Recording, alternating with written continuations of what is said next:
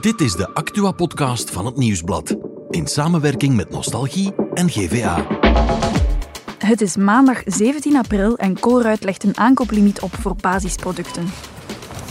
SWT'ers gaan amper terug aan het werk. You're fired. En in de grote steden kregen bekende standbeelden plots versiering.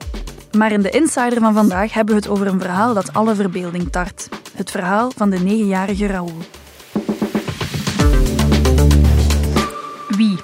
Raoul. Wat? Een negenjarig jongetje dat dood is teruggevonden in een sportzak. Waarom? Omdat dit zo'n uh, uiterst schokkend verhaal is. Onze insider vandaag is Pieter Huibrecht, misdaadjournalist bij het Nieuwsblad. Dag Pieter. Dag Eline. Pieter, we gaan het vandaag hebben over een zaak die de afgelopen dagen het nieuws domineerde.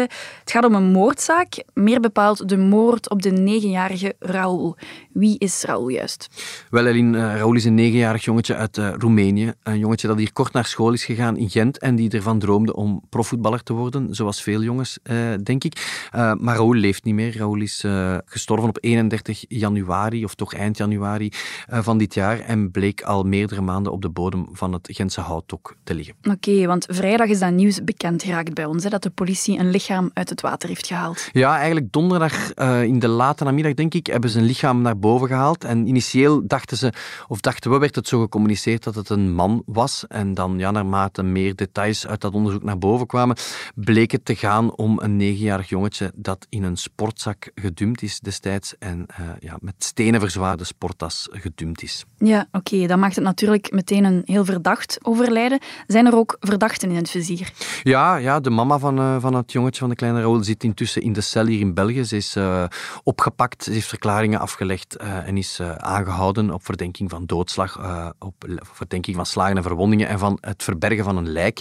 En intussen, vrijdagavond, is er na een klopjacht ook de stiefvader is opgepakt in Nederland. die verschijnt maandag, vandaag dus voor de rechter in Nederland. En dan gaat beslist worden of hij wordt uitgeleverd aan ons land. Oké, okay, ja, dus het gaat om de ouders uh, van Raoul, zijn mama en stiefpapa. Mm -hmm. Maar waarom moest hun zoon, de negenjarige Raoul, dood? Wel ja, er blijkt een zeer diep tragisch verhaal van mishandeling achter te zitten. Hè. Dat hebben ze op school in de korte periode dat hij daar les volgde nooit geweten of toch nooit gedetecteerd. Raoul blijkt het slachtoffer dus van mishandeling. Um, af en toe uh, werd er blijkbaar geslagen met de broeksriem. Er is sprake van ja, uh, koud en zelfs heet water dat over zijn lichaam werd gegooid als hij hè, tussen aanhalingstekens stout was geweest. Um, dus mishandeling en dat moet op een bepaald moment eind januari geleid hebben tot zijn dood. En dan hebben ze dat proberen te camoufleren door zijn lichaam uh, in het water te gooien. Ja, Pieter Raoul werd mishandeld door zijn stiefvader en uiteindelijk is hij aan zijn verwondingen overleden en gedumpt in het water.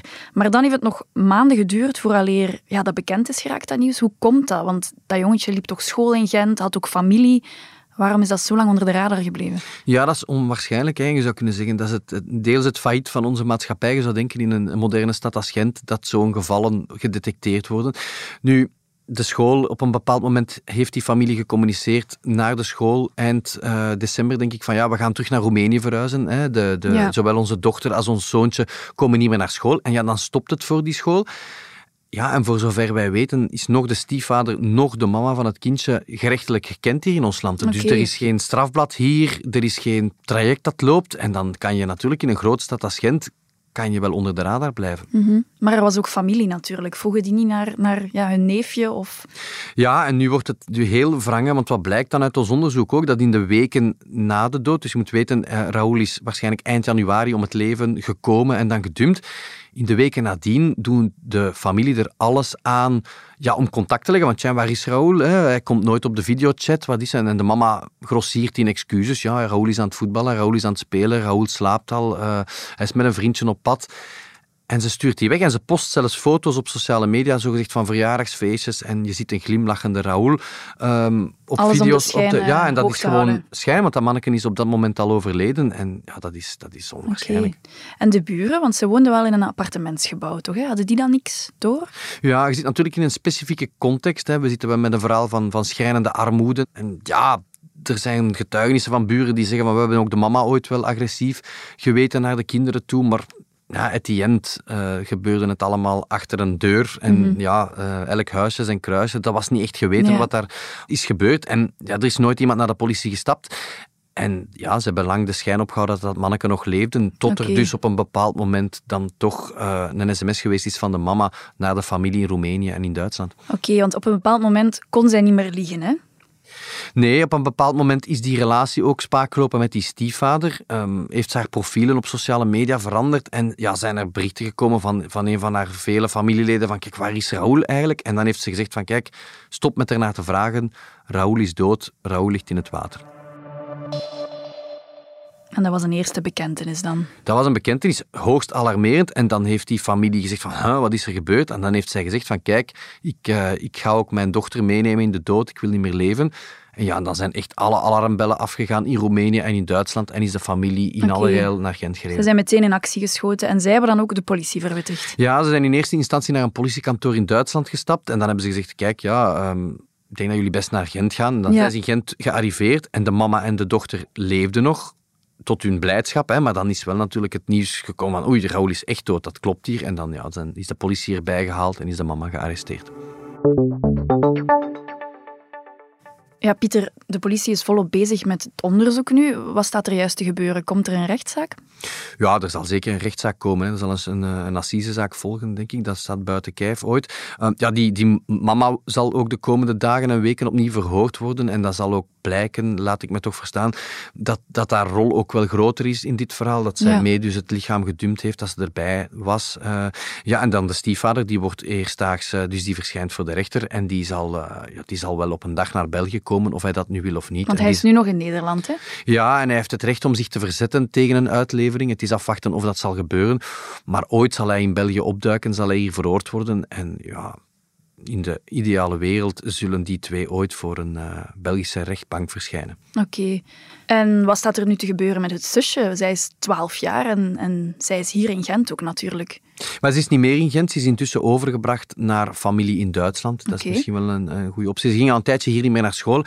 Natuurlijk, zij heeft hier de gruwel meegemaakt. Hè. Het lichaam van haar, van haar arme broertje heeft blijkbaar ook enkele dagen onder het bed gelegen. Zij okay. is mee naar de dumplaats moeten gaan. Ja, ze heeft stenen moeten zoeken om die sportzak uh, te verzwaren. Allee, dat zijn trauma's voor het leven. En ze is nu in Duitsland en ze heeft daar, want we hebben de onkel kunnen spreken in Duitsland die zich over haar uh, ontfermt momenteel, samen met andere familieleden. Ja, ze heeft daar haar familie van A tot Z verteld wat zij heeft meegemaakt. Van alle gruwel die ze zelf gezien heeft. Ja, en dat moet zo intens geweest zijn dat die familie op een bepaald moment zei van kijk, stop, stop even met vertellen, dit is te heftig voor ons. Uh, iedereen aan het wenen in de living. Okay. Allee, ja, diep tragische scènes. En zij zal denk ik wel uh, ja, psychologisch begeleid worden. En ja, voor dat meisje is dat een drama dat ze nooit van haar leven zal kunnen vergeten. Nee. Gaat zij terug naar België moeten komen ook voor die rechtszaak? Wel, zij is verhoord hè, door een gespecialiseerd team. Want je mag natuurlijk een 12-jarige of 13-jarige, want er is wat onduidelijkheid over haar leeftijd, niet zomaar verhoren. Dat gebeurt allemaal met speciale verhoortechnieken. Ik denk dat zij de eerste maanden niet snel in België zal opduiken. Um, dat zij daar zal opgevangen worden bij familie. Want ja, er is iedereen kwijt ook. Ja, ik denk dat dit toch wel een van de meest triestige misdaadzaken is die we de laatste tijd hebben gehoord. Hè? Mm-hmm, ja, dit is een van, helaas een van de misdaadverhalen van het jaar in Vlaanderen. Denk ik uh, diep triest voor dat arme uh, meisje dat dat allemaal gezien heeft. Ja, ja inderdaad. Oké, okay, Pieter, dankjewel om dit chockerende verhaal helaas te komen toelichten. Graag gedaan.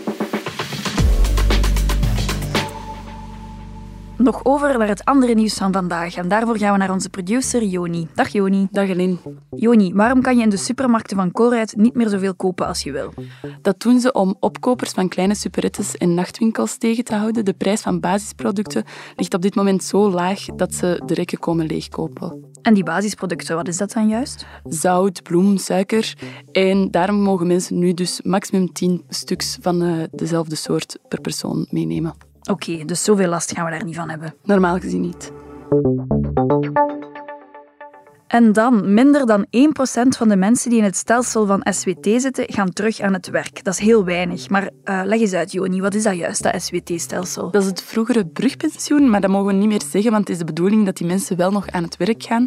Dus als je op latere leeftijd ontslagen wordt, dan krijg je een extra bovenop je werkloosheidsuitkering. En met die toeslag kom je dan ongeveer in de buurt van je vroegere loon als werknemer. Oké, en die mensen gaan dus niet meer gaan werken, terwijl dat eigenlijk wel de bedoeling is. Ja, klopt. Maar volgens arbeidseconoom Stijn Baart van de UGent ligt dat niet aan de werkgevers. Het is niet dat er mensen niet worden aangenomen, maar het ligt aan het systeem. Er is een hervorming nodig met meer controles en een actievere rol van de VDAB volgens hem. Oké, dat is duidelijk.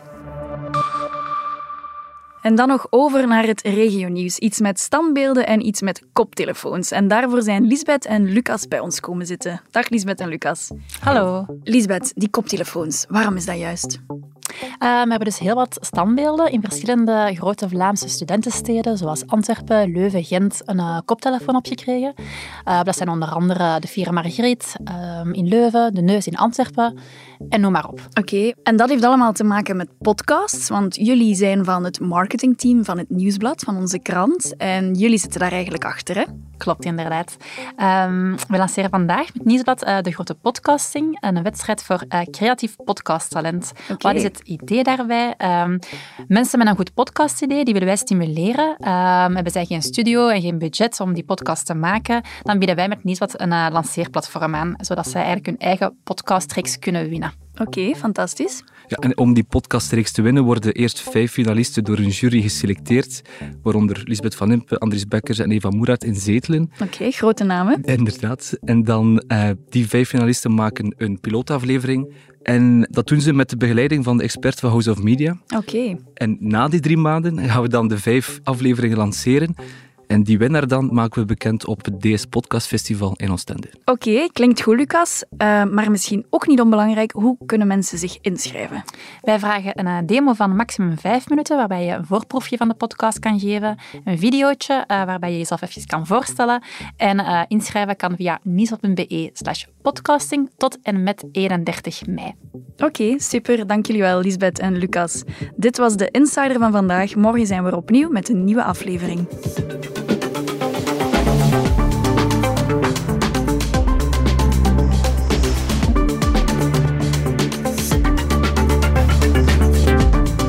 Dit was The Insider, een podcast van het Nieuwsblad in samenwerking met Nostalgie en GVA. De muziek is van Pieter Santens. De montage gebeurde door House of Media. Wil je reageren? Mail naar podcast.nieuwsblad.be.